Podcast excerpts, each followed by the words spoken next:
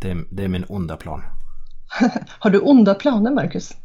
Ja, jag vill intala mig själv det för att få mig själv att framstå som häftigare i alla fall mina ögon. Är det, aha, det är någon slags här självbedrägeri? Ja, det är väl det enda vi författare sysslar med kanske egentligen. Eller den här författaren i alla fall. Jag gör tvärtom. Jag försöker gå och tänka att jag är god. Ja, om jag tänker någonting som inte är så bra så bara nej, nej men det där är ju inte jag egentligen. ja. Det är, en annan, det är samma typ av självbedrägeri fast på andra skalan liksom. Välkommen till Ordbyting. Podden som tar in i kulisserna bakom den svenska fantastiken.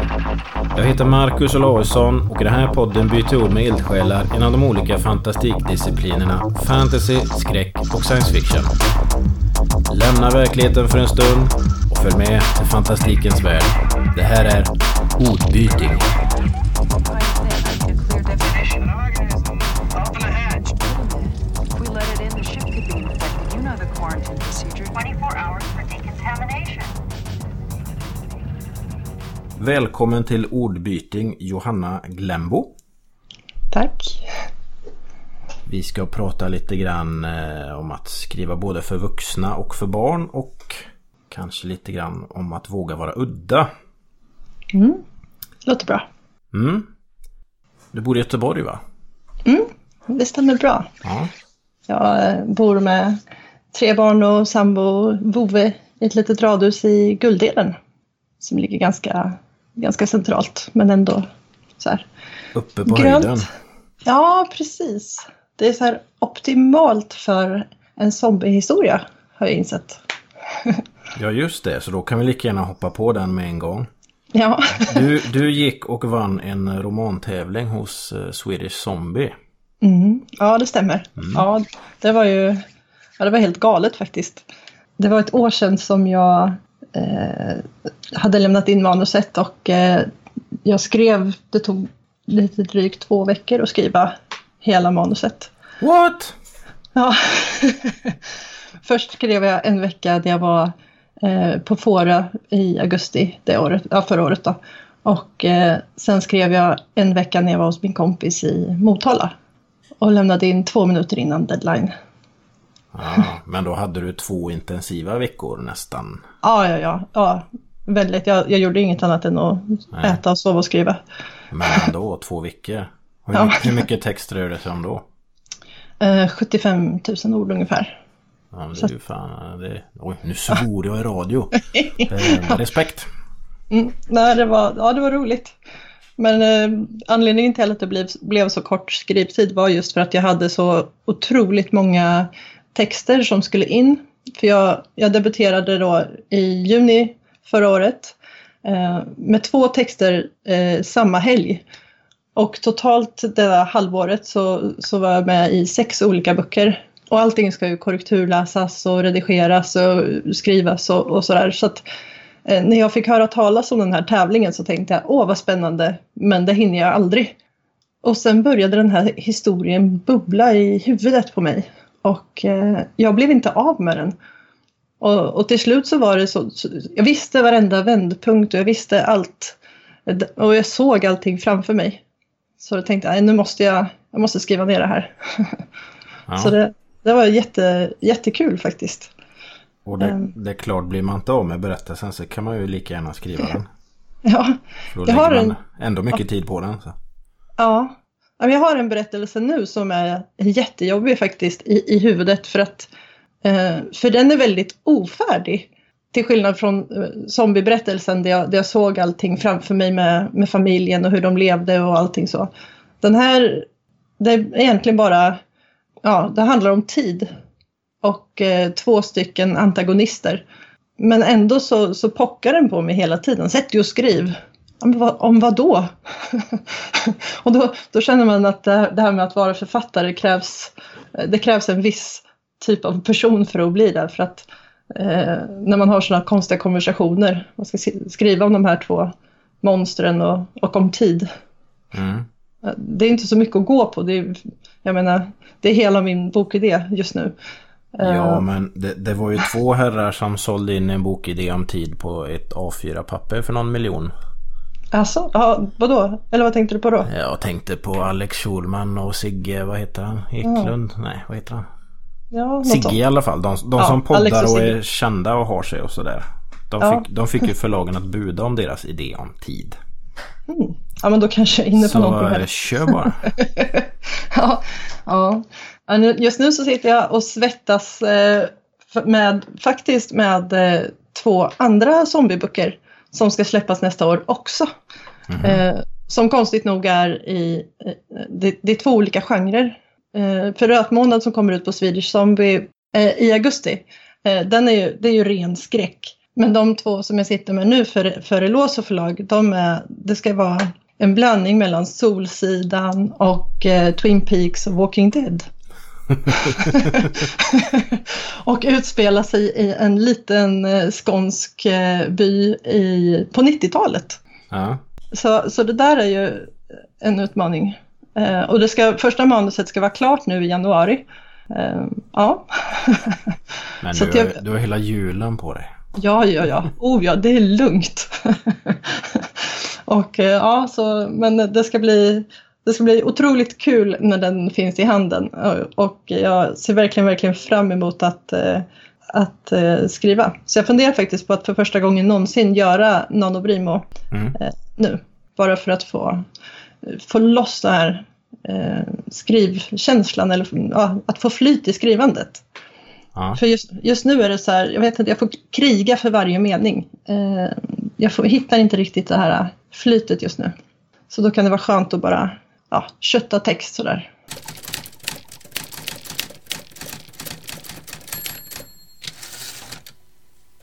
Men, men det låter ju ändå som att du har haft ett ganska intensivt 2017. Och Ah. kanske 2016 också då antar jag. Eller skrev du allting in som du kom ut med i fjol? I fjol? Ja. Eller skrev du under 2016 och det kom ut i fjol eller hur? Nu måste jag nästan tänka, det mesta skrev jag faktiskt 2017. Ehm, men min första barnbok, den, eh, den texten har ju funnits längre för att jag och min illustratör, vi jobbade väldigt tätt under två års tid då med eh, att planera bilderna och, och, och få texten att harmoniera och sådär. Så, att, eh, så den hade jag ju innan. Ehm, men de andra texterna skrev jag då. Så jag har, jag har en del i byrålådan också, men eh, men de, det får nog stanna där tror jag. Jag behövde lite tid på mig för att bli tillräckligt bra. Jag har ju en bok som jag har hållit på med i sju år. som, eh, Det är ju ingenting. Nej men den är ju inte ens tjock. Jag har ju sett storleken på, på dina, eller tjockleken på dina böcker. Det är ju liksom ingen, det är ingen tegelsten jag har skrivit utan jag har skrivit samma manus och sen hundra varianter på det. Eh, För att testa gränser och för att lära mig hantverket. Så det har varit min skrivkurs kan man säga.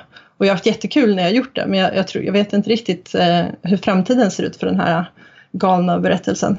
Nej. Men jag, jag, jag tror det är lite bra att ha en sån där bok som man Den kanske inte måste bli utgiven men det är bra att skriva en bok som du säger för att läsa hantverket. För det är, det är ganska mycket jobb att skriva en bok. Även om det kan vara glädjefullt och lustfullt. Lust, Lustfyllt. Lustfullt. Vad skönt att det inte bara är jag som Ja, snubblar på orden. Jag får lite eh, trådsnubblande här och blir det riktigt illa så kan man ju klippa och ha sig. Nej, nej, nej, det är fegt. Nej. Sånt sysslar vi inte med. Nej, är ju, Kör det här rakt av. här får inte vara fega minsann. nej, nej. nej. Nej men i alla fall det, det kanske man kan vara införstådd med som debutant att man kan behöva skrota ett manus för det, det är svårt att, Mm. att helt enkelt få ett förlag att nappa. Men det är ändå bra att ha skrivit den där boken för man lär sig väldigt mycket på det. Ja, ja, så är det. Jag gjorde misstaget att börja med en trilogi. Mhm. Och då kan man liksom bara inte skrota den sen. Så man får liksom hålla på och slipa den och slipa den och slipa den och få fram en staty ur det där berget. Ja, men visst känns det gött när man har gjort det också? Det känns jättegött. Ja. Särskilt nu när det är en tegelsten. ja ja men den här boken som jag har hållit på och skrivit på, den, den heter Shangri-La Bingo. Och eh, den började faktiskt för att jag hade skrivkramp. Jag hade planerat en jättelång eh, serie med, och jag hade allting klart för mig och, eh, och sen var, så fick jag ett skrivtips som bara gjorde att det, allting låste sig.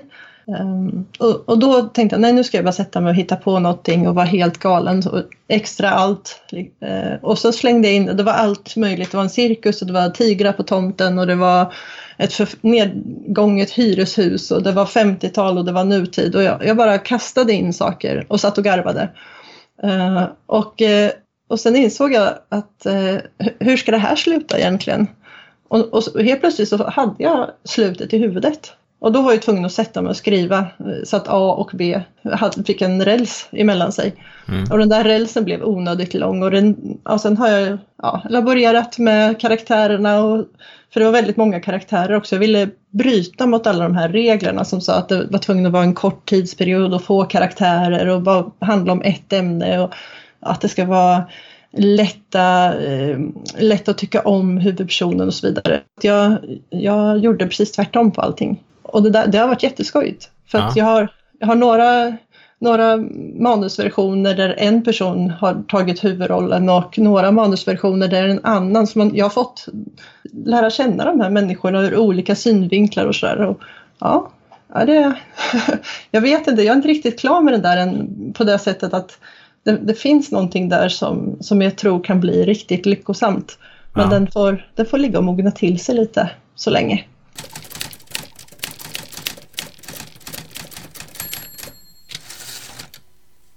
Testar du olika processer för olika böcker eller har du hittat en formel som funkar som du...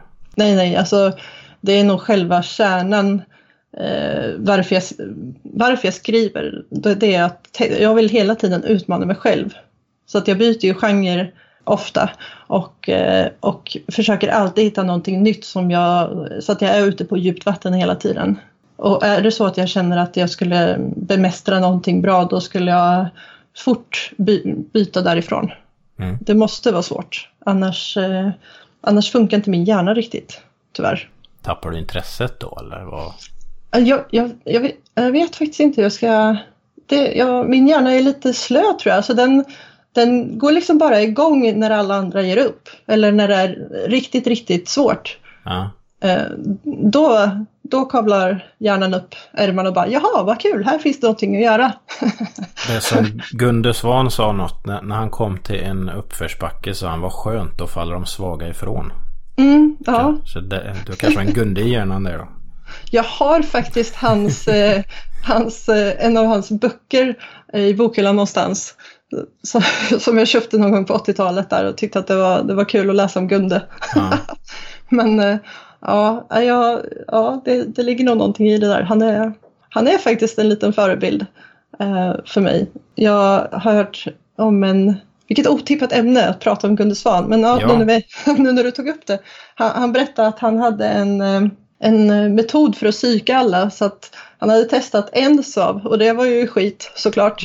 Men han tog med den på pressträffen kvällen innan en stor tävling och då hade, då hade han eh, gjort att alla andra fokuserade på honom eh, och på den här enstavstaktiken och fått lite panik.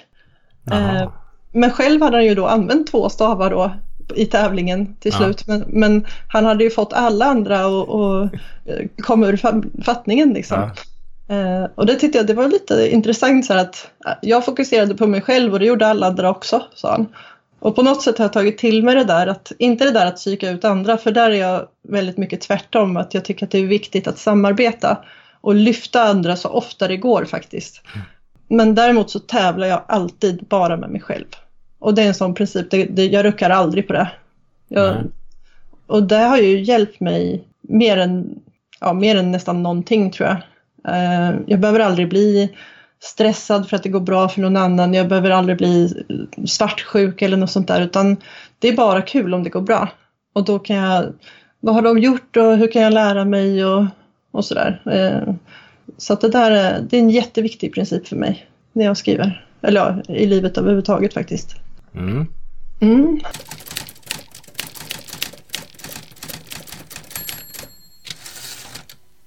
Jag har läst på lite om det här och gjort lite research som det så fint heter. Mhm. Efterforskningar på svenska kanske. Okej. Eh, jag har läst att du är civilingenjör inom IT. Ja.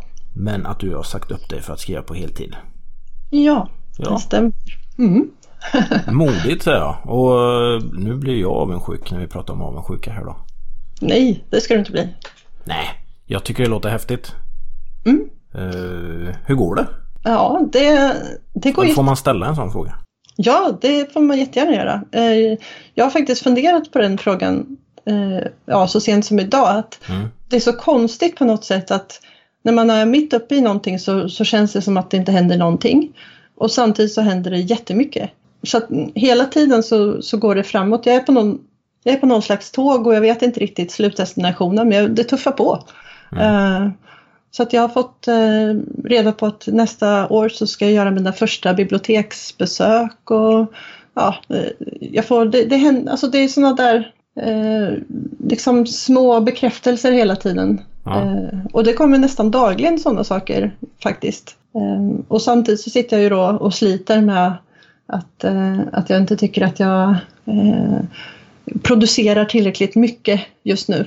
Men det kommer, jag tror att det, det kanske går, det kanske blir pulser eller man ska säga, att man behöver ta lite paus och sen kan man trycka på med mycket energi och så får man vänta lite. Så att jag är inne i en sån lugn peri- period och samla kraft tror jag.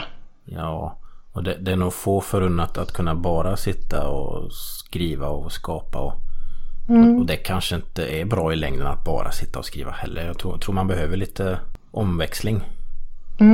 Ja, men jag tänker att omväxlingen kommer genom att växla genrer hela tiden. Ja, Och, eh, jag har precis faktiskt gjort klart en eh, steampunk-skräcknovell tillsammans med Peter Durier. Eh, som kommer ut på Swedish Zombie nästa år, nej, i mars. Eh, s- Så det har vi suttit med under sommaren. Ja, och sen så har vi gjort ett uppehåll nu, men så nu så blev vi klara med den och, och det känns eh, det känns riktigt, riktigt kul tycker jag att skriva tillsammans med eh, någon annan och få, och få en inblick i hur andra författare jobbar och, och se hur man kan lyfta varandra, hur man kan lyfta texten och så. Det, det har varit otroligt roligt faktiskt. hur kommer det sig att ni började samarbeta då? Ehm, ja, det är faktiskt lite lustigt. Jag, jag har en frisör som är helt fantastisk som heter Lena Darvall. Och jag har gått och klippt mig hos henne i många, många år. Och hon eh, brukar alltid tussa ihop mig med intressanta människor. Ehm, så att när jag debuterade i juni förra året så då bjöd hon med eh, Peter på min release. Mm. Och eh, han var ju jättehärlig så att vi, eh, vi höll ju kontakten såklart. Och hon visste ju det. Eh, för hon har en sån här känsla för vilka människor som kommer tycka om varandra och sådär. Ehm, ja, och sen så på den vägen är det kan man säga. Eh, vi upptäckte att vi var bra på helt olika saker och att vi ändå hade väldigt lika sätt att resonera. Och det är ju en sån perfekt eh, matchning för en, en kollega på något vis. Ehm, mm. Så det var väldigt... det, det är väl bra om man kan komplettera varandra kanske. Ja. Inte sitter och slåss om vi skriver precis samma saker. Nej, alltså vi är så lyckliga båda två. Han är otroligt duktig på att göra research och det är inte jag. Jag kan bli, jag kan bli lite stressad över att sitta för mycket och Eh, fokusera på det när det finns så mycket annat att fokusera på. Och, eh, så att, men han har ju tagit med mig faktiskt eh, på ja, runt om i Göteborg då, så har vi gjort research tillsammans. Så att nu, nu känner jag att jag tycker att det är roligt också. Bara för att han är så duktig på det och han har lärt mig eh, väldigt mycket hur man kan tänka. Vad kan man ta med som är verkligt och vad måste man på något sätt eh, sky- skydda och sådär. Eh, så det, det är jättekul tycker jag. Vi håller på att göra historiska deckare just nu. Ja, det såg någonting inom 1800-talsdeckare. Ja. Ja, ja det, det kommer bli riktigt, riktigt häftigt. Med hans historieintresse och mitt intresse för eh, oväntade vändpunkter och karaktärer och, och hans miljöbeskrivningar. Och så när man kokar ihop det där så, ja, jag tror, jag tror på de böckerna. Jag tror att de kommer bli, de kommer hitta sin publik om man säger så. Något du kan berätta mer om eller är det hemligt? Nej, jag, jag, jag tycker inte att det är så kul att ha hemligheter på det sättet utan jag berättar gärna mer. Ja. Ehm, jag ville ha en karaktär som eh, man inte har sett så mycket förut. Och vi började fundera på just det här slutet av 1800-talet. Vad, eh, vad var det som gällde då? Vad gällde för kvinnor då? Och, eh, så, och det började faktiskt med att vi pratade om just Chalmers. Vad, vad skulle hända om en kvinna ville gå på Chalmers? Och, eh, ja det var ju tillåtet och så men det var ju inte direkt eh, uppskattat. Eh, har vi kommit fram till och eh, så föddes den här idén om en tjej som eh, skulle kunna passera som kille och eh, så har vi laborerat med det. Så det handlar om en, en kvinna som heter Henrietta som blir Henry helt enkelt. Mm. Men vi har frångått det här med, med eh, att hon ska bli chalmerist utan hon, hon hittar på eh, lite andra saker. Och eh, Göteborg har en väldigt, väldigt häftig historia har jag eh, insett mer och mer ju mer jag har jobbat med de här böckerna. Det är riktigt, riktigt eh, maffigt eh, på, under den här tiden. Det är ju en tacksam stad för han har funnits några år. Ja, ja, men den är inte så, alltså den är 400 år bara. Ja, men det är gammalt från svenskt eller från västkuskt. För att använda ett svårt ord. ja, ja, ja, jag kommer från Örebro va? Ja, 800 år. precis. Nej, men Nej, jag jag, jag bor men- utanför Trollhättan och vi firade 100-årsjubileum i fjol. Okej, ja, ja, ja, jo det är klart. Sen Ja. har man hittat vikingaguld och sånt så det har funnits bebyggelse här men ingen stad så. Ja, men då så. Nej, men jag tycker, det jag tycker är häftigt är hur, hur liten staden var till en början. Mm. Eh, och att den var ehm, eh, att man hade murat in så att säga stadskärnan. Eh, och, att, eh, och att allt eh, innanför murarna, det, där hade du ju vakter och så. Men att allt utanför, det var ju liksom offringsbart. Om dansken skulle komma då skulle man bränt ner hela, hela Majorna för de som känner till Göteborg. Och, och det, det var ju världens ruffigaste område då. Eh, med mycket slagsmål och, och sådär. Och eh, var man inte tillbaka eh, innan ja, nio eller tio eh, när de stängde de här portarna, ja då var man, då var man hänvisad till att vara ute i de här ruffiga markerna då hela, hela natten. Det hette ju Bajamajorna på den tiden. Är det därifrån det ordet kommer? Det var, ja, du ser. Nej, sig. kanske inte gjorde. du bara det- hittar på. Jag Ja, på ja, det. som vanligt. Nej, det var väl innanför vallgraven som muren gick. Mm. Man, man kan ju, jag vet, man gick ner i källaren på biopalatset där kan man se en bit av muren. Mm. Ja, det är, ja, jag tycker det är, jätte, det är jättefräckt faktiskt. Eh, ja, så eh, vi har gått runt här i, i Göteborg och tittat ut adresser där de olika eh, karaktärerna ska bo och sådär. Och sen eh, så ska vi eh, och, och Peter han sitter och skriver alla de här miljöerna då som, som eh, ska med i berättelsen och så får jag fritt plocka eh, där när jag väver ihop historien och, och um, hur karaktärerna interagerar med varandra och sådär. Så att det, det är riktigt, ja det är kul faktiskt. Mm. Har ni lagt upp någon tidsplan för det här eller? Det är det som är så skönt, vi har inte det. Nej. Men däremot så träffas vi ju ofta eh, och sitter eh, så att, så att det händer ju saker hela tiden och vi har ju, vi har ju ett gediget synopsis klart då. Eh, så att jag sitter och gör de sista strukturdetaljerna för att jag är den personen. Och jag tror att det kan gå fortare än vad vi tänker oss. Men ja, någonstans i början av nästa år tror jag att eh, råmanuset är klart. Hoppas det i alla fall. Mm. Ja, det känns lite läskigt men det känns också väldigt, väldigt eh, kul att Ja. eh, bredda sig. Spännande.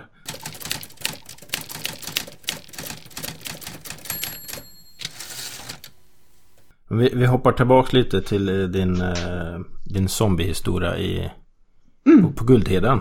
Ja, Som, som vi pratade om i början här. Kan du berätta något mer om den? Eller ja får du smäll av Johnny då? jag tror inte det. Eh, han verkar ganska... Eh, han litar nog på mig tror jag. Vi tar Eh, risken. Ja, det gör vi. När det började med att jag hörde en, någon som, som sa att om det händer någon katastrof så, så kommer männen ta makten. För att de är ledare och kvinnor är inte det. Så tänkte jag det var väl ganska dumt sagt. Eh, och så började jag fundera på det där att vad, vad skulle jag göra om, ja, om det blev en, en eh, eh zombieinvasion och jag bodde där jag bor nu. Eh, och så föddes den idén och så började jag fundera, jaha men på andra sidan eh, gårdsplanen och över vägen, där är det en backe upp och där är det väldigt glest med hus. Det känns som en bra början att ta sig upp för den backen ifall att man inte kommer åt bilen. Eh, För då, kan, då, då är det inte så många zombier där och så, är det, så har man lite mer koll på vad som händer. Så steg ett är att ta sig bort ifrån det här gyttret. Det är tillbaks till Gundes skidbacke där. Ja, ja lite kanske. Ja. Eh, Men, eh, men så, så vill jag ha in då det här att det skulle vara en eh, ganska vanlig människa, eh, en, en person som jag kan relatera till. Så att jag gjorde henne till eh, en 48-årig bibliotekarie vid namn Ulrika som har tre tonårsbarn och en hund och en, en man då som kanske inte alltid är så, så vänlig. Så att när det här händer så tar mannen sin tonårsson och hunden och sticker helt enkelt. Så att hon står där med sina döttrar och ja, då måste hon eh, ju skydda dem och sig själv. Och där så börjar själva resan. Mm. Ja, och sen är det ju allt det här då med, med resurser och, och vilka samarbetar och vilka eh, motarbetar och, och, och var ska man ta vägen, ska man ha någon plan och, och, eh, och så. Men, men det jag inte vill göra, jag vill inte att det skulle gå åt skogen på grund av att, att karaktären är korkad. Utan jag vill att karaktären hela tiden ska vara eh, smart, så här, genomtänkta beslut. Mm. Eh, och så. Så att det hade jag som, ja, för jag är så trött på det där att Åh, det kommer någon, jag springer upp på övervåningen. Ja, Och eh, det, det är väldigt mycket så tycker jag. det är ju bara lata författare som skriver så. Ja, ja det vill jag inte ha. Så att eh, eh, det har jag försökt.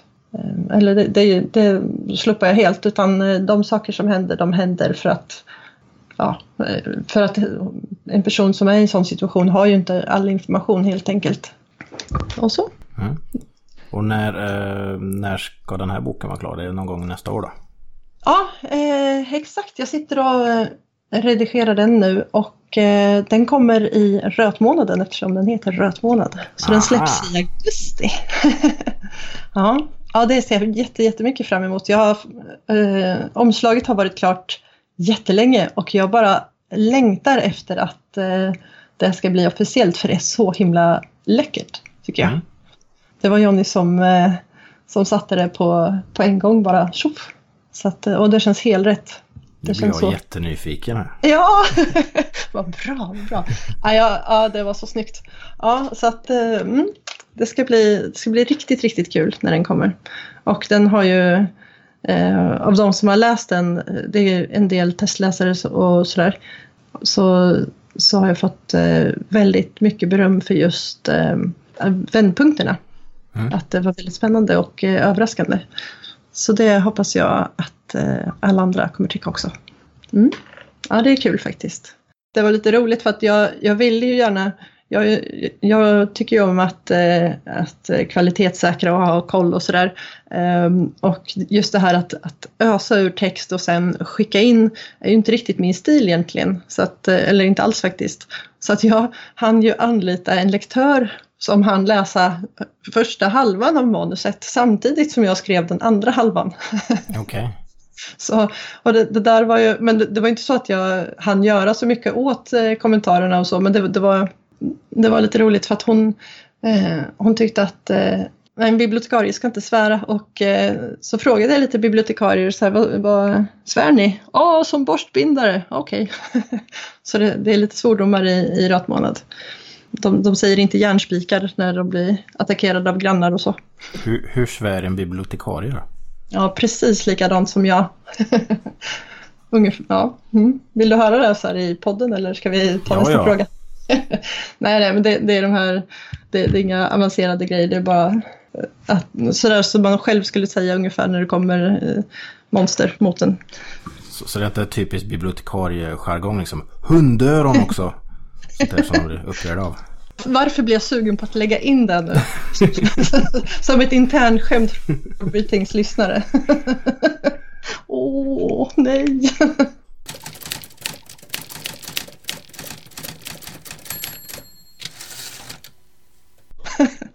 nu måste vi gå vidare innan jag, innan jag sabbar manuset här. Eh, vi, vi går vidare. Du, du skriver ju barnböcker också. Mm.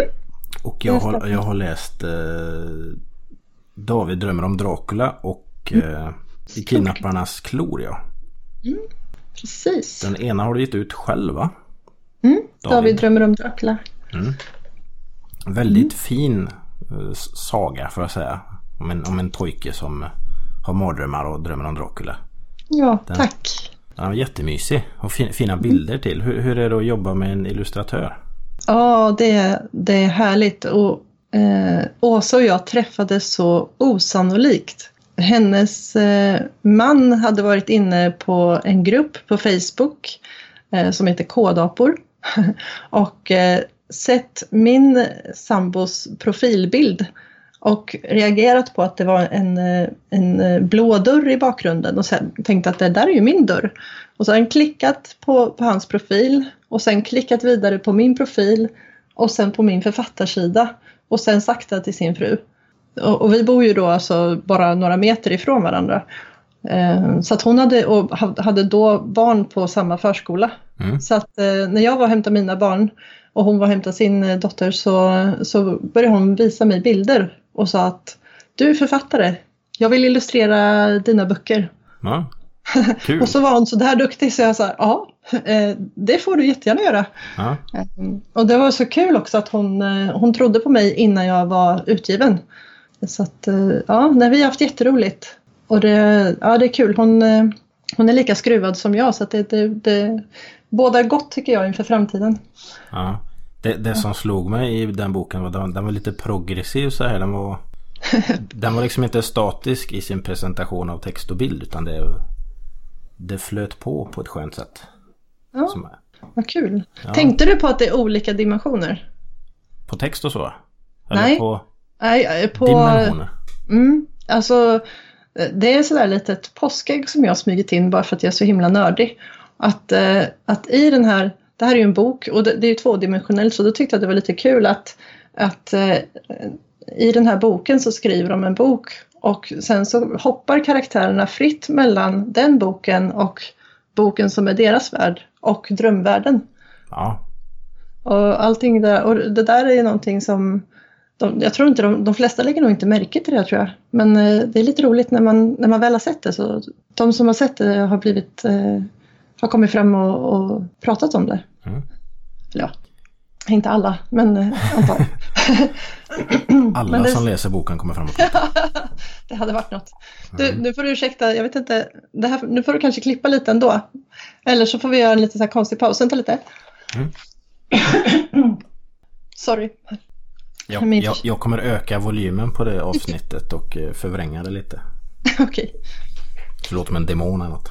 Ja, ah, fasen coolt. Jo men gör det, gör det. Jag vill gärna, jag vill gärna låta som en demon.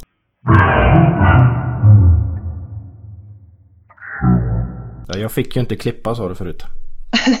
nej, nej, nej, men du, det, det är inte att klippa då, utan då, då gör du ju bara att jag låter coolare. Ja. Jag Eller, brukar, Jag brukar ha så här demonröst när jag pratar med mina barn. Jag vet inte om de tar skada av det. kan jag aldrig tro. nej.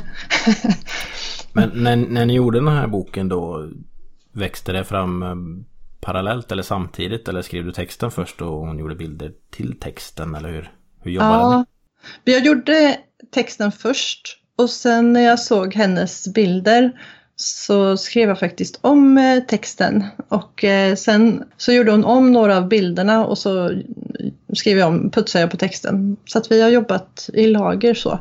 Mm. Och, eh, och det, det är jättekul att eh, få beröm för det, att det är så bra samarbete. Så att, ja, vi, eh, vi håller på med tvåan nu faktiskt. Ja, det är en fristående en bok som med ett helt annat ämne. Ehm, det här det handlar om mardrömmar. Det är för att jag upptäckte att mina barn kunde sova godare på nätterna om de kunde skratta åt sina mardrömmar. Så vi, det är faktiskt byggt på en metod som jag körde med alla tre barnen. Det är ett listigt mammahack det här alltså. Ja, det är det. ja, de, för att när, när barnen vaknade på, på nätterna så med tårar i ögonen och det var så hemskt. Och om man då inte pratade om det utan att de somnade om, då kunde de här mardrömmarna kom, återkomma flera nätter i rad. Mm. Men o- om man hade lite tålamod där och, och frågade vad, precis vad de drömde om och sen så hittade på någonting, tog den här hemska saken som hade hänt och sen så gjorde den till någonting som de kunde skratta åt. Då försvann de mardrömmarna och kom inte tillbaka något mer. Mhm. Så jag vet inte om det funkar på alla barn, men det funkar väldigt bra här hemma i alla fall. Så tänkte jag, det, det är kul att skriva om det. Ja. Och bok nummer två den har så här jättekäckt eh, eh, namn. Den heter Mamma känguru. Eh, och sen är den jättehemsk. och det, det var för att jag behövde bearbeta eh, min olycka som har eh, präglat mycket av mitt liv. Jag, jag skadade en fallskärmsolycka när jag var 19. Oj. Ja, så att jag har haft eh, ont ja, dygnet runt året om sedan dess då. Och det är 20 år nu. Och har fortfarande? Ja, precis. Okej. precis. Kan du berätta vad som hände? I fallskärmsolyckan? Ja. Eh, ja, alltså jag, jag var väldigt, väldigt dålig på att hoppa fallskärm och eh, är det någonting, alltså de flesta saker kan man ju öva på och bli bättre men eh, just där, det, det är ju lite tidskritiskt att vara bra på Du får en chans. Ja, ja jag gjorde tre hopp totalt. Ja. Eh, Och jag, gjorde, alltså, jag skadade mig alla tre hoppen. Och den värsta gången då var det Ehm, att jag bromsade fallskärmen alldeles för tidigt. Så att jag såg still eh, 20-30 meter upp i luften ungefär. Och eh, det är för kort sträcka för att man ska kunna ehm, fylla de här luftcellerna igen. För då, eh, då behöver man ungefär 100 meter för att det skapas som en pendelrörelse. Så hade jag lyft upp mina armar så hade jag eh, fått extra fart och kraschat ner mot marken. Ehm, så att jag fick hålla ner mina eh, händer och eh, ja, öka farten då ner mot marken. Ja. Eh, och då kan man ju göra så här schysst rullning och, och ta bort farten på ett sätt som vi hade övat på i en gympasal. Men eller så kan man landa med svanskotan mot en stor spetsig sten. Eh, så att jag valde det senare då, för det kändes ju mer gediget på något vis. Eh, så hela min, det blev som en dragspels rörelse så att jag fick ju whiplash och käkskada och varenda kota i hela ryggen trycktes ihop och benen blev olika långa och ja. Eh, Det där gick jag med i många, många år innan jag fick hjälp. Ehm, Så att eh, Hur, hur, hur ser hjälpen ut då? Är det sträckbänk? Alltså jag tror faktiskt att sträckbänk hade varit ganska bra för mig. Eh, Men eh, nej, jag, jag hittade en, eh, eh, ett par människor som hade utbildat sig utomlands i USA och England eh, till osteopater. Och eh, sen så har jag äntligen hittat en eh, bra sjukgymnast. Men jag har varit hos många dåliga innan jag hittade en som faktiskt kunde eh, hjälpa mig. Så nu kan jag eh, för första gången sedan olyckan träna utan att få ont efteråt. Mm. Annat än träningsverk då. Det, är ju liksom, det känns ju jättebra. Ja, skönt. Ja, så det är på rätt spår. det är bra. Nej, men äh, åter till... Äh, äh, jag gick och såg ett TED-talk och eh, äh, hörde en kvinna berätta om äh, en äh, olycka som äh, hade gjort att hon fick äh, kapa äh, eller amputera benen. Och äh, hon berättade om sin, äh, sina våndor och sina känslor och sin resa och den här revanschen som hon upplevde så, så, så märkte jag att det var stora likheter mellan det jag själv hade upplevt. Och så där och då så satt jag och började anteckna så skrev i stort sett hela den här eh, barnboken Mamma Känguru på eh, under hennes föredrag. Mm. Och sen gick jag hem och skrev rent det där och eh, Åse nappade direkt. Eh, så det handlar om en mamma som, eh, som är med om en bilolycka och eh, vaknar upp eh, med amputerade ben. Och om eh, eh, dottern och hennes utsatthet då. Eh, eh, jag tror, men den har ju såklart, eftersom det är en barnbok, så har den ett bra slut och så. Eh, och jag, den tror jag kommer bli, den blir fin tror jag. Mm. Tills, tillsammans med Åses bilder så kommer den, ja, jag tror att det behövs mera, um, mera gedigna ämnen i barnböcker. Det För tror jag också. Det, det känns Ja. som det, det har varit en lite sån här period det ska vara tillrättalagt på något vis ordentligt Ja. och fostrande och Ja, det är mycket bomull. ja. Jag har en Man ska teori. skydda dem jag tror de behöver, de, de är inte dumma barn liksom. Nej, och jag tror att eh, man skyddar dem bäst genom att faktiskt prata om, om känslor och så. Annars så, det är ju om man inte pratar om det som de blir oskyddade. Men jag min teori om det här är att eh, folk som läste Astrid Lindgren som barn kommer bara ihåg det här ljusa. Och, eh, och så har de försökt efterlikna Astrid Lindgren och den här Bullerby-känslan Ja. och bara tagit fluffet. Men, men alla sådana författare borde egentligen gå tillbaka som vuxna och läsa om Astrid Lindgren och se allt det här mörka och, och, och tunga och, och alla budskapen som hon faktiskt har. Eh, även i Bullerbyn. Så Och Madicken. Ja, ja, ja men allting. Det är ju väldigt, väldigt mörka grejer egentligen. Ehm, och, och mycket liknelser med döden och sådär. Jag tror att jag på ett sätt kan relatera eh, kring det. Jag känner, jag känner själv att jag har en ganska stor sorg inombords. Och jag har funderat på vad den beror på, men jag, det finns nog olika svar på det. Jag tror att den kan vara väldigt användbar även i, i, eh, när jag skriver barnböcker. Att, den, eh, att man kan använda den, även sådana känslor till någonting positivt. Apropå det vi pratade om i början. Mm.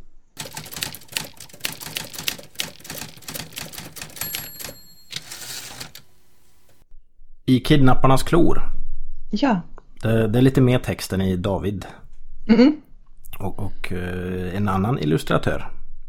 Mm. Hur, Precis. Hur, hur gick den boken till? Har du fått någon slags instruktioner? För den, den ges ut av eh, Eloso förlag. Mm, det stämmer. Ja, det, det är ganska häftigt för det var ju helt annorlunda.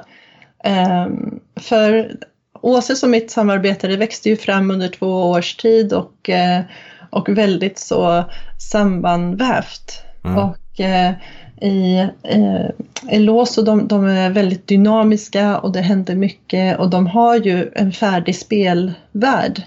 Så att där bör, började jag med att eh, läsa in mig Eh, och sen hade jag en ganska stor utmaning för de ville ju ha Kumpel eh, som är deras galjonsfigur som är en, ett monster, eh, en hopping. Ehm, och den, det här monstret är ganska eh, svårt att interagera med för att det har inga öron och det har ingen mun och det suger livsenergin och dödar allt och alla om det stannar för länge. Till, till och med eh, växter och sånt där. Egentligen ett, ett stort öga på ett par ben va? Och naket också. Och naket. Ja, så att, ja tack. Ja, och, och eh, då tänkte jag så här, om det ska handla om honom, han måste ju ändå prata med någon. Ja. och det där innan jag kom på, så att det stör, stör, och jag gillar ju som sagt att utmana mig själv och det där var ju en, en klockren utmaning för det var ju nästan omöjligt. Och, så- och så kom jag på då att nå, någonstans i en av de, de här eh, regelhäftena så fanns det en liten, liten blänkare om en eh, karaktär som hette Sara Helare som var en sjöjungfru. Och så tänkte jag, jaha, eh, hon kan hela sig själv, ja men då kan inte Kumpel skada henne. Jaha, men hur ska en, en, ett, eh, en varelse som hoppar runt på land träffa en sjöjungfru? Och då föddes den här idén att de skulle ha blivit kidnappade av eh, ett gäng som vill starta ett eh, zoo för ovanliga varelser. Så så, på den vägen är det. Mm. Och eh, nu håller jag på att skriva på tvåan då. Den har ju en helt annan en helt annan inriktning för nu har jag ju etablerat de här karaktärerna. Både antagonisterna och eh, huvudpersonerna. Då. Så eh, nu ska de ner till Atlantis i bok nummer två. Hem till Saras, eh, till Saras värld. För att träffa släkta. För att träffa släkten. Det blir inte riktigt så bra alltså. Jag, Nej. jag, har, jag har tänkt väldigt mycket på vilka antagonister som kan finnas och sen insåg jag att alla kan vara antagonister. Till och med hon själv. Så, och Kumpel och äh, på något sätt så, så, så har det blivit väldigt mycket alla mot en. Hon måste, hon måste besegra många rädslor och eh, gamla synder och nya hot i en och samma bok. Så det där har jag fått ihop alla trådar nu så nu sitter jag och, och skriver, skriver ner det. Är det tanken att det ska vara några äventyr? För det, jag har ju haft Björn och eh, Daniel eh, som gäster här i Ordbyting. Jag vet, jag lyssnar på det. ja, men eh, ja. förhoppningsvis har alla lyssnare också koll på det och lyssnat på alla mina avsnitt. Eh, Finns det något äventyr kopplat till det här eller är det mer att du, du skriver den världen och sen är det avslutat så Ja. eller tar ni fram någon slags äventyr också?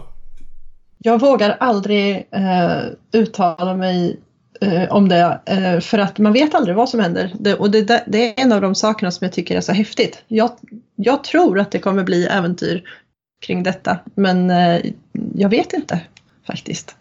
Än så länge så är det ju böckerna då. Men eh, jo, nej, men jag tror, och det har redan börjat bli så eh, att eh, Daniel har tagit fram eh, poäng då eh, på skurkgänget och eh, vad de har i, i olika förmågor och sådär för att vi, vi skickade in en, eh, eh, vi var med i eh, speltidningen Phoenix Mm. med ett reportage där och eh, så det var jättekul och då fick vi göra så här planlösning på deras skurklya och sådär. Kvickfotsgäng eller vad heter det? Ja, exakt. Mm, vad du minns. Oj oj oj. oj, oj, oj. Det är inte Ja. alls så att jag bläddrade förut och friskade upp minnet. Nej, nej, nej, såklart inte. ja, nej, men det, det är faktiskt det, det är riktigt, riktigt kul att vara med i den här eh, Eloso-familjen och, och få de här häftiga värden och, eh, och, och få vara med och, och jobba tillsammans med Daniel och fråga funkar det här och kan man göra så här? Och, och eh, så, så länge jag inte sabbar någonting annat som de har planerat så, så har jag väldigt fria tyglar att, eh, att utforska den här världen och det är, eh, det är ett privilegium tycker jag. Mm. Det låter som ett kreativt gäng och sen är väl eh, Sofie Paulsen skriver också va? I den Precis. här världen. Hon skrev deras allra första bok. Mm. Ehm, mm. Den är ju för lite yngre barn, eh, 3 till 6 tror jag. Och de här är för 6 till 9 då så att det, är, eh, det ska finnas böcker för, och, ja, för alla åldrar då i tanken. Så kommer det komma då för lite äldre barn också. Smart, smart. Well played.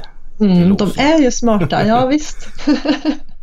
och det är även Iloso som, eh, som har gjort det här, eh, som har beställt de här böckerna, eh, zombieböckerna som kommer med Solsidan feeling.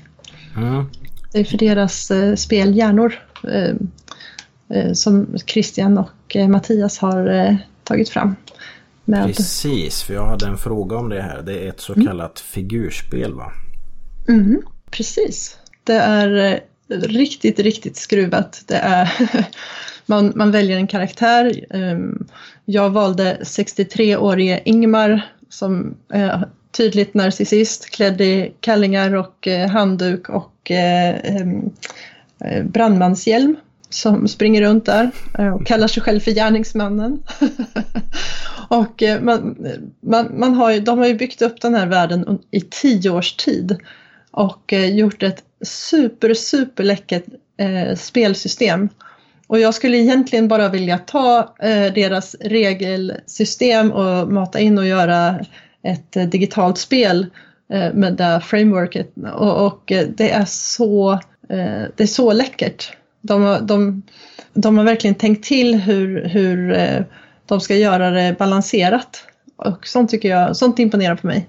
Ehm, så zombierna de rör sig eh, om de är i närheten och om de har sikt och om de hör ljud och så har de olika, ja, eh, om det är en zombie som rör sig åt ett håll så är andra zombier som är i närheten av den zombien rör sig också åt samma håll då. Och då bildas ju de här äckliga klungorna som kommer. Mm. Så jag kan, alltså till och med nu när vi sitter och pratar om det så känner jag bara lite hur eh, håren reser sig för att jag är, jag är faktiskt, jag är grymt zombie-rädd. så, så, så att jag tyckte det var nästan lite läskigt att spela det här spelet trots att det var så uppsluppen stämning och, och, och kul. Så Utspelar sig i Möllinge va? Jag ja, exakt. fel. Exakt. Jag såg ni hade lagt upp något filmklipp. Jag, jag får nog länka till det på, eh, Ja. på poddhemsidan här, ordbyting.se. Mm.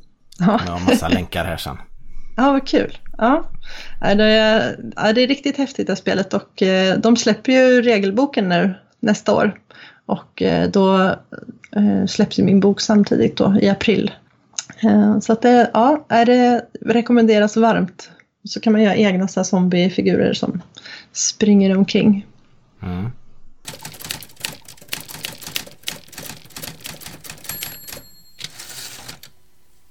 Det låter som att 2018 blir lika intensiv som 2017.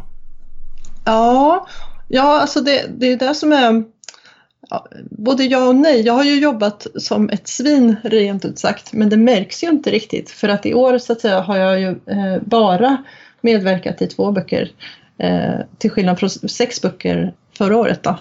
Men 2019 så kommer en sån här ketchup-effekt. Ja. Eh, Jag ja. menade 2019, jag sa 2018 men jag menar Ja.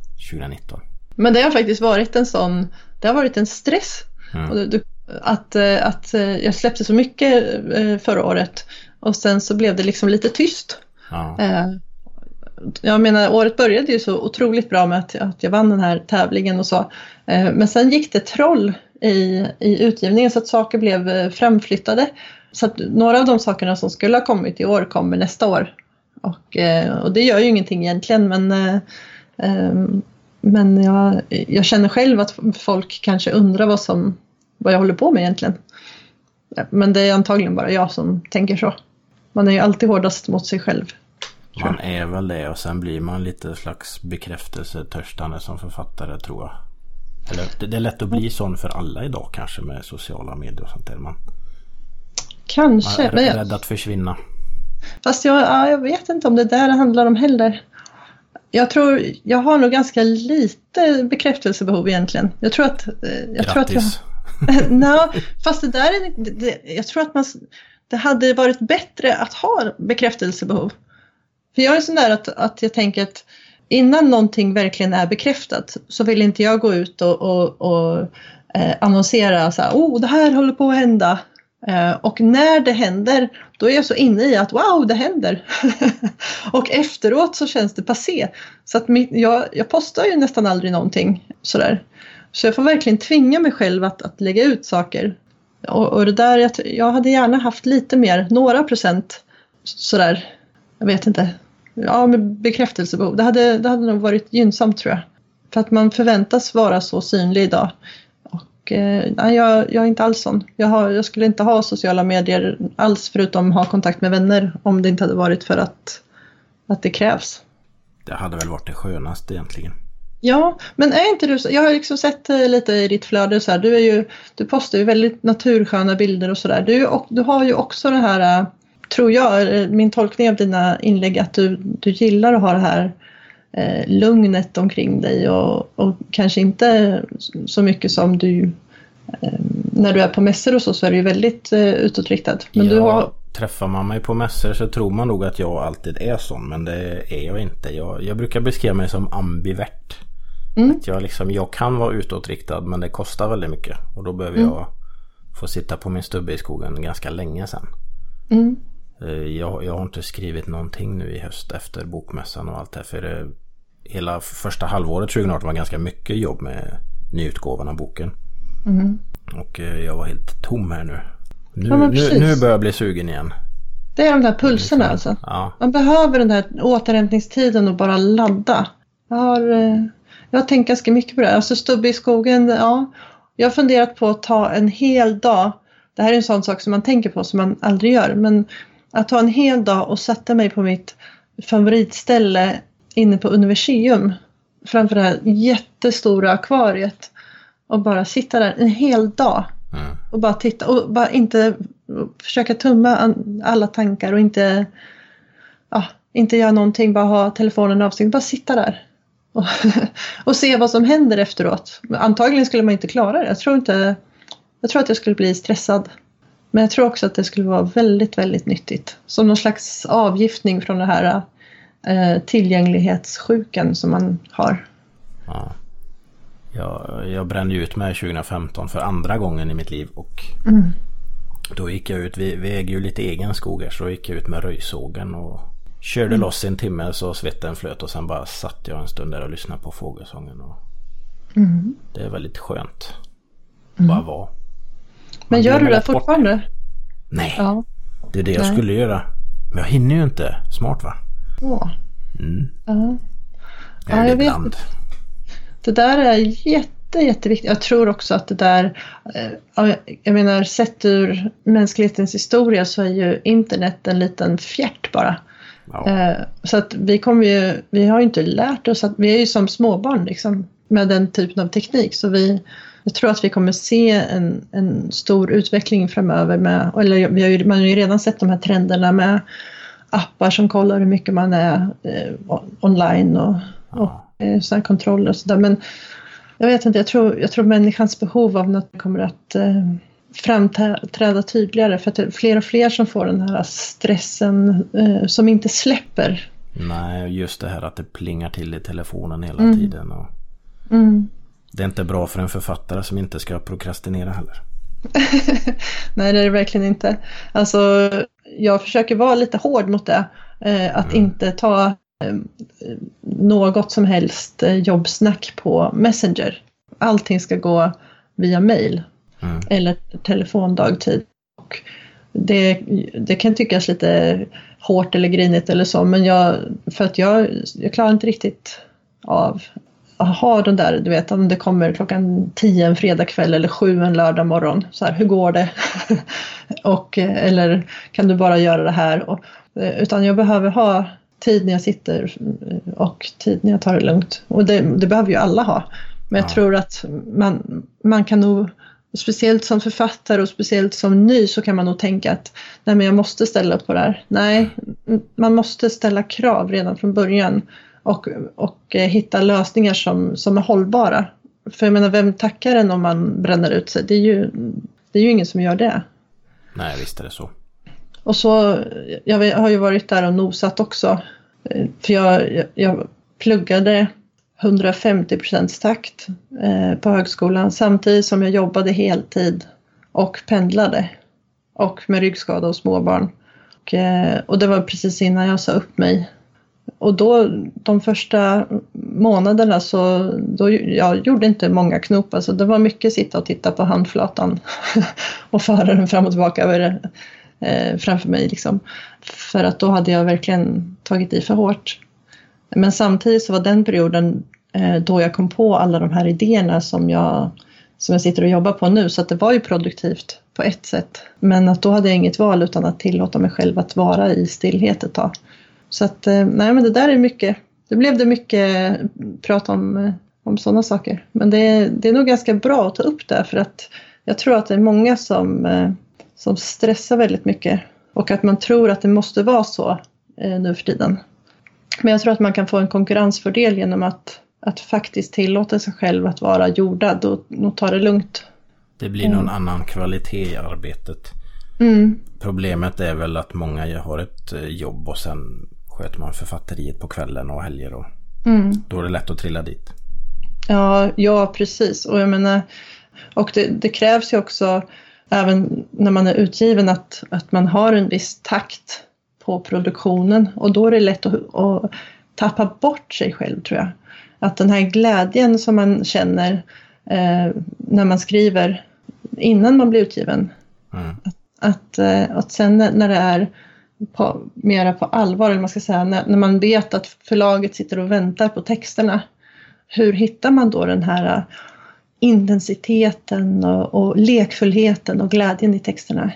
Det är ju det är en konst tror jag. Mm. Och det där, jag vet inte, det där kommer nog med rutin och sådär också. Att, eh, och jag ser fram emot att få den rutinen. För, för nu så är jag liksom någonstans mellan färsk och rutinerad. Jag har mycket kvar att lära mig känner jag.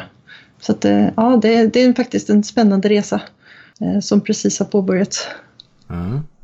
Så Ser vi se. fram emot. Ja. Ja. Massa mer från Johanna Glembo. Mm.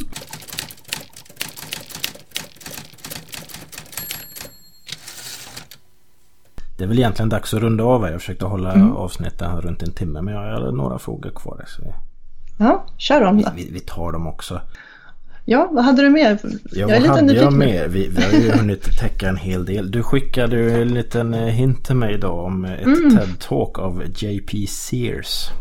Mm. Om att vara annorlunda. En rolig man som pratar om att eh, våga vara annorlunda. Ja.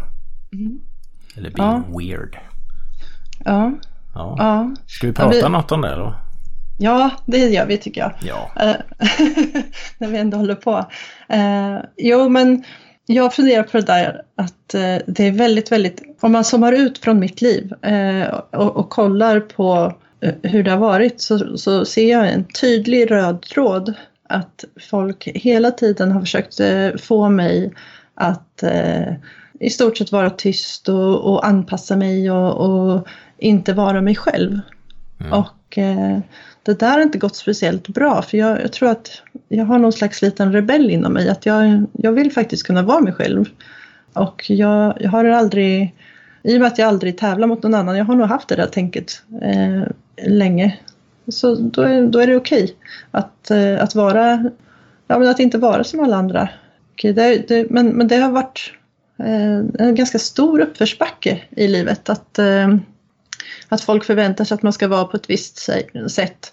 Eh, som tjej så ska man inte vara intresserad av teknik och eh, det här med författeri, vad är det för tok och, och sådär. Och det är ju ingen som tror på en innan man lyckats eh, oftast. Eller få människor i alla fall. De som är sådana som tror på en, de, de håller man ju otroligt varmt om hjärtat alltså.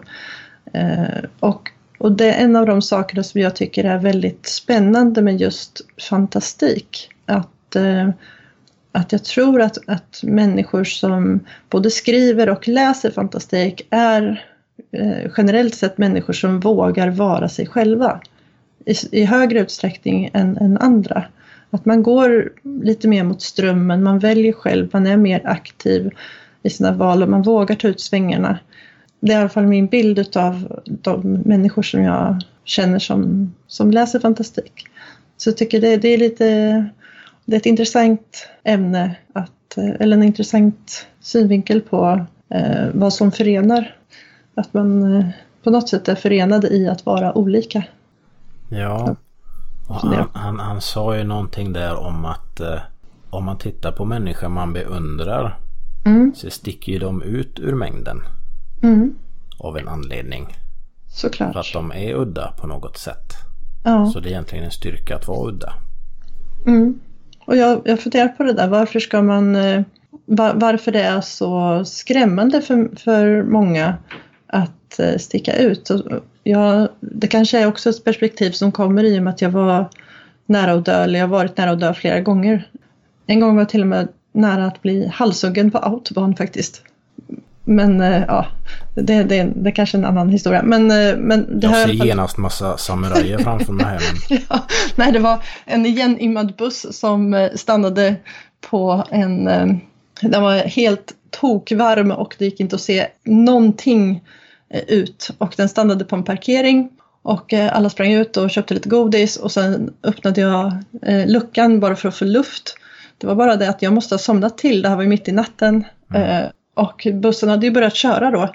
Eh, så att när jag sticker upp luckan så, så, eh, så tittar jag liksom i, i eh, motsatt riktning mot vad bussen kör och så ser jag oj, oj, oj, där är bron. Så tittar jag ner, precis när jag trycker ner mitt huvud så passerar vi nästa bro.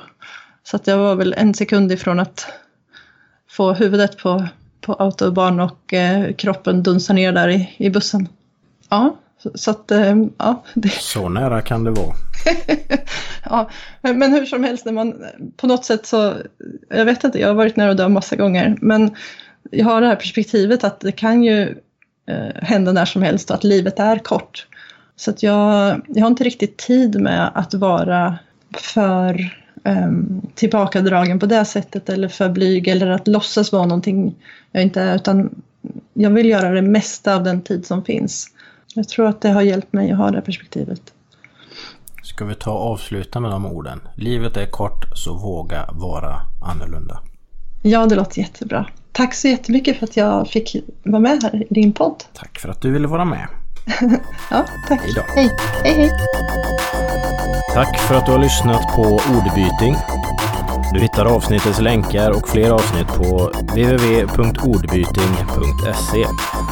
Om du har önskemål om gäster och diskussionsämnen, hör av dig på info.ordbyting.se. Tänk på att i rymden kan ingen höra dig lyssna. Så om du gillar avsnittet, sprid det gärna i sociala medier. Tack och ha det bra.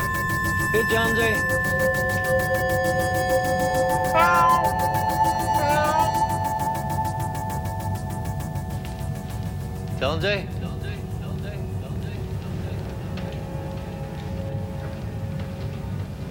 Here, kitty, kitty, kitty, kitty, kitty, kitty. Ow. Here, Jonesy.